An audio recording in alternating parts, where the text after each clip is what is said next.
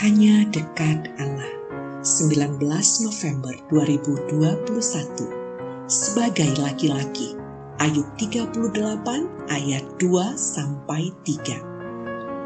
Siapakah dia yang menggelapkan keputusan dengan perkataan-perkataan yang tidak berpengetahuan? Bersiaplah engkau sebagai laki-laki. Aku akan menanyai engkau, supaya engkau memberitahu aku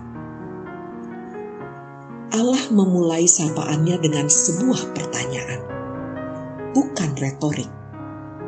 Allah membutuhkan jawaban, dan Ayub mesti menjawab, meski hanya dalam hati.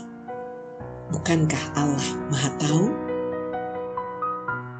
Dalam Alkitab Bahasa Indonesia masa kini tertera, "Siapa engkau?"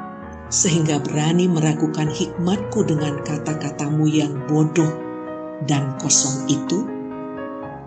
Sekarang hadapilah aku sebagai laki-laki dan jawablah pertanyaan-pertanyaan ini.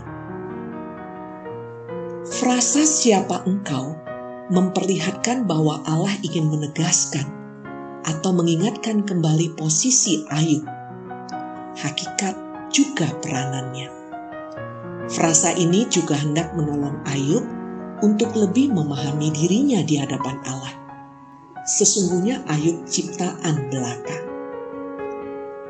Memang Allah memuji Ayub dalam permulaan kitab Ayub sebagai pribadi yang jujur, takut akan Allah, dan menjauhi kejahatan.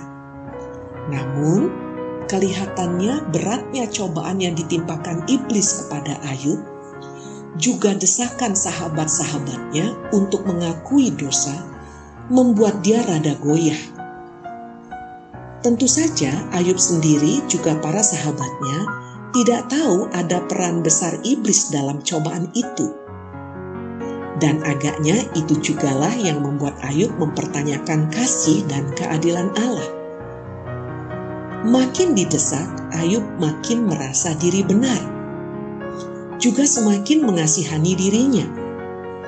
Dan pengasihanan diri membuat dirinya tambah merasa benar.